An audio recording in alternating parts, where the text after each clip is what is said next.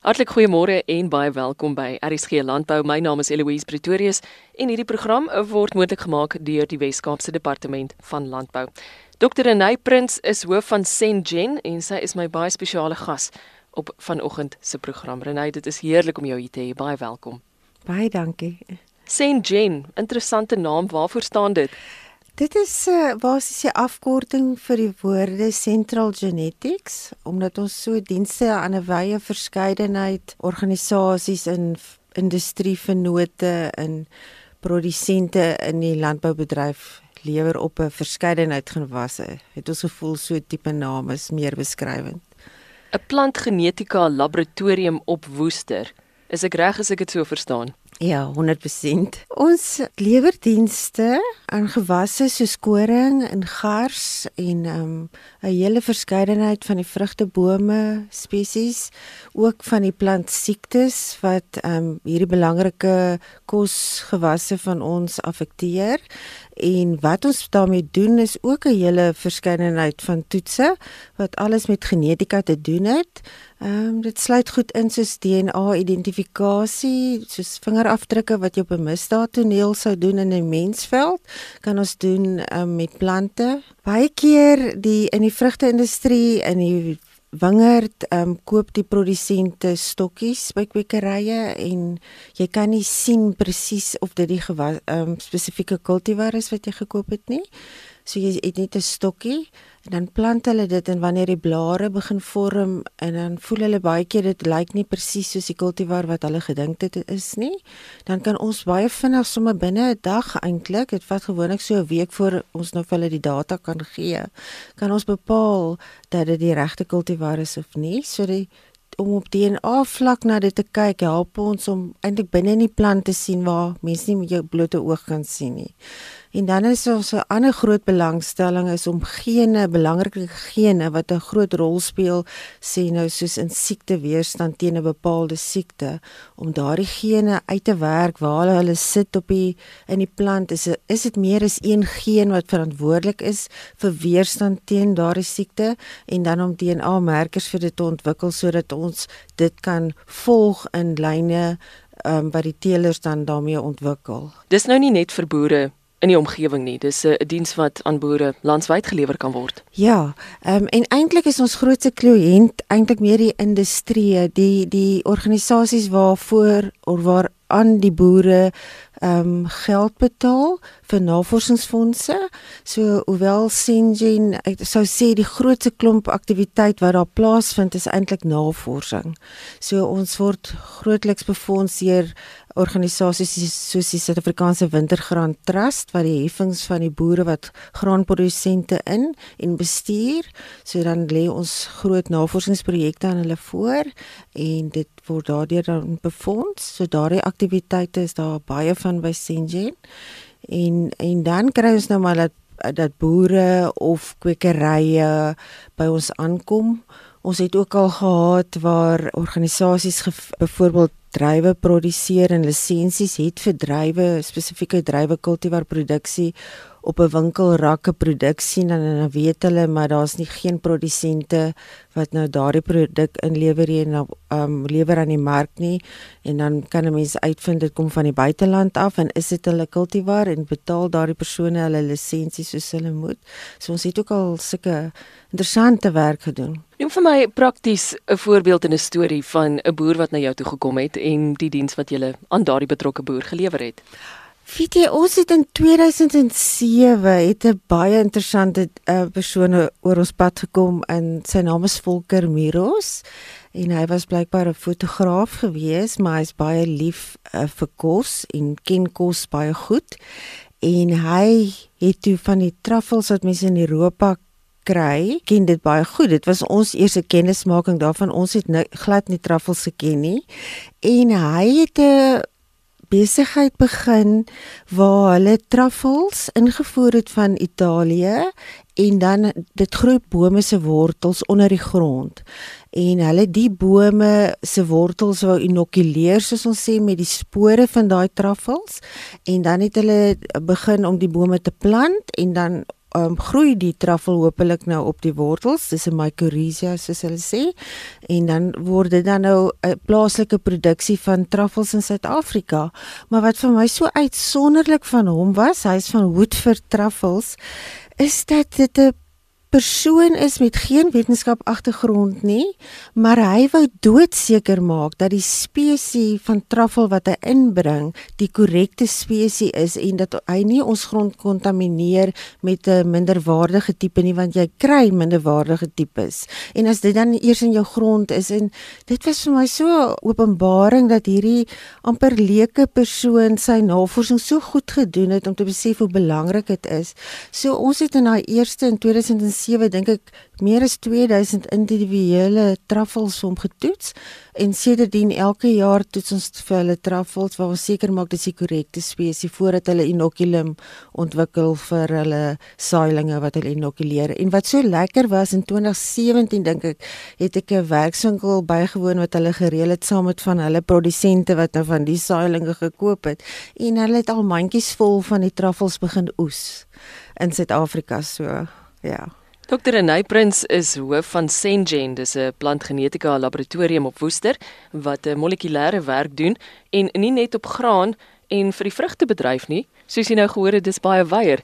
Wie is van die boere wat jy sou uitnooi om dalk van julle dienste gebruik te maak? Ja, die vrugteprodusente, wanneer ek ek dink wat wat belangrik is, is miskien is wanneer 'n mens 'n groot bestelling plaas vir 'n bepaalde kultivar, van 'n wingerd of 'n vrugteboom, is dit dalk makliker as ons op daai punt al vir hulle toets tussen vir hulle en vir die kwekery om seker te maak daar um, vind nie verwarring plaas nie. Maar ek moet sê ek dink ons ons probeer maar wanneer ons 'n vraag kry, ons kry baie vrae om eers te kyk wat is beskikbaar soos ons sê in die publieke domein, wat is op internasionale databasisse of wat is reeds in peer-reviewed joernale, dan kyk ons eers of daar nie reeds DNA hulpmiddels is wat ons net so prakties kan neem en toepas nie. So ons hou daarvan by Singen dink ek gebeur alles so half op 'n projekbasis. Ons het ook nie 'n vaste prys vir 'n bepaalde toets nie, want elke kliënt se behoefte verskil. So ons hou daarvan as die kliënt met ons gesels, die probleme op die tafel sit en dan kyk ons wat se inligting is beskikbaar en hoe moet die eksperimentele uitleg lyk en dan werk ons saam met hulle 'n plan uit of dit moontlik is. Wat is van die onlangse uitdagings wat jy gehad het? In Suid-Afrika dink ek as jy kyk na befondsing in wetenskap met al ons uitdagings in Suid-Afrika is dit baie moeilik om by die met die eerste wêreld mee te ding. En ek dink in die veld waar ons werk met DNA tegnologie is die ontploffing in die tipe apparatuur en sagte ware is ongelooflik die hoeveelheid kennis wat nou beskikbaar raak en die tegnologiese ontwikkeling en dis ongelukkig verskriklik duur. So ek dink vir ons almal reg deur die land wat in hierdie bedryf is, is dit moeilik om op standaard te bly met die apparaat. Ja, so ek sou sê dit is een van die grootste uitdagings om by te bly met internasionale ouens in terme van die apparatuur. Waaroor voel jy baie positief as dit kom by landbou in Suid-Afrika?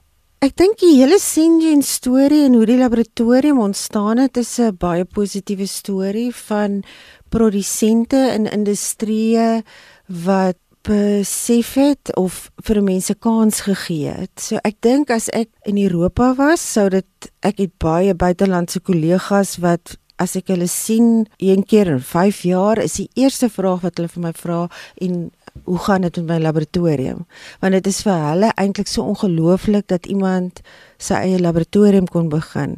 So ek dink en dit het alles begin omdat ek in wetenskap 'n desperate poging moes aanwend om in wetenskap te bly toe ons na na Woester toe verhuis het van Stellenbosch af. As dit nie was vir die eerste industrie en dit is uit en uit die graanindustrie in Suid-Afrika wat die vir die koring en die garsprodusente was wat vir Senje en 'n kans gegee het, sou ek nie gewees het waar ons vandag is. So dit is eintlik maar boere wat die visie gehad het om 'n privaat laboratorium 'n kans te gee om te wys hulle kan ook goeie werk doen al is hulle nie 'n groot um, besigheid nie. En in die proses het jy ook 'n wonderlike omgewing vir vroue geskep. ja, dit het baie natuurlik ontwikkel. Ons kry baie keer mans wat daar by ons aankom wat nou nie vir Senjin ken nie en dan is hulle 'n soort van verbaas dan sê hulle altyd, "Sjoe, hier's nou net vrouens, is nie nou nie plek vir 'n man nie," maar dit het baie natuurlik eintlik ontwikkel. Ek het mos maar op my eie begin. Ek was baie ek sou sê eintlik eers bietjie naïef gedink ek gaan 'n konsultasie laboratorium begin en ek het binne 2 jaar besef nee, ek kort 'n fisiese gebou want hier moet baie werk gebeur en ek het net die gebou ge klein gedeelte gebou toe besef ek maar ek kort dringend nou iemand om te help en ek het ek het maar 'n versigtige persoonlikheid wanneer dit by geld kom. So ek het toe iemand gaan soek wat 'n BSc het in Woester en sy se huisvrou gewees en geval gevra wil sy nie asseblief vir my 2 dae week kom werk nie en so het die span nou uitgebrei en ons is vandag 8 vrouens wat daar werk. Omdat ek self 'n ma is is dit vir my baie belangrik om 'n lekker omgewing te skep waar 'n ma van kinders waar daar 'n bietjie aanpasbaarheid en buigsaamheid is om dit te kan akkommodeer want ek weet wat die uitdagings is wat daarmee saamgaan maar ons stel 'n baie hoë premie op ons data en ons uitsette. Ons het geleer om in 'n baie effektiewe span saam te werk in so 'n omgewing, ja. Ons het nou oor baie jare eintlik baie kundigheid opgebou in ons navorsingsprojekte om uit te werk waar sit gene wat belangrik is. En ons het nie by die maklikste begin nie, ons het by moeilike tipe siekte weerstandsgene begin wat eers byvoorbeeld in die volwasse plant wys en ehm um, sulke goed en ons het baie suksesvol dit reg gekry en al daai uitsette het ons onmiddellik implementeer en gebruik ons vandag ook in die veld vir die ontwikkeling van nuwe kultivars saam met die teelers van koringkultivars en garskultivars en selfs druiwe kultivars um, hier saam met LNR net voorby maar ons het nou vir ons die dit 'n bietjie nuwer eienskappe aangepak wat nog komplekser is. Ons beweeg nou na siektes wat onder die grond is wat ons ehm um, saam met patoloë gaan werk wat daarop fokus. Ehm um, maar ons vlaggenskap projek eintlik waaroor ons baie opgewonde is is om geen in koring in Suid-Afrika te probeer kloneer. En die rede hoekom mens graag 'n geen as jy hom wil kloneer, beteken dit maar net eintlik jy bepaal sy presiese DNA basispaar volgorde. En as jy dit het, dan weet jy presies watter proteïen betrokke is en dan kan 'n mens begin uitwerk hoe werk die geen.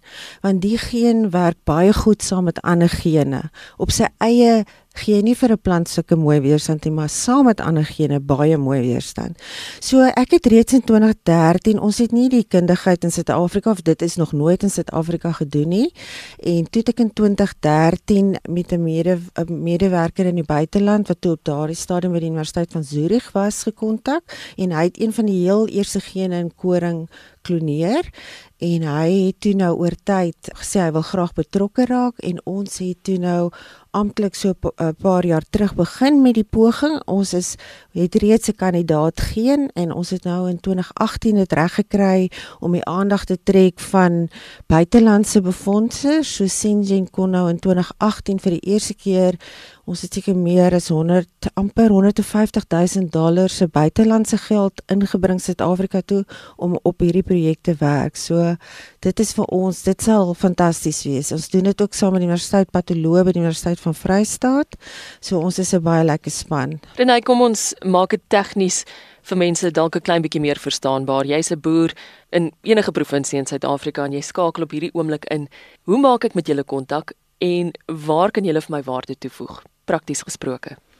Ehm um, ons het 'n webwerf www.sengen.co.za. Sengen is so Central Genetics gespel. Daar kan jy meer inligting kry wat soort van ons probeer op hoogte hou van die nuus en die aktiwiteite wat ons daar doen.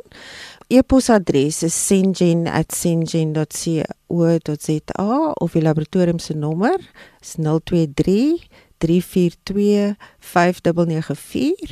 Ehm um, hulle is welkom om ons so te kontak. Die grootste werk wat ons daar doen is mos maar navorsingsprojekte.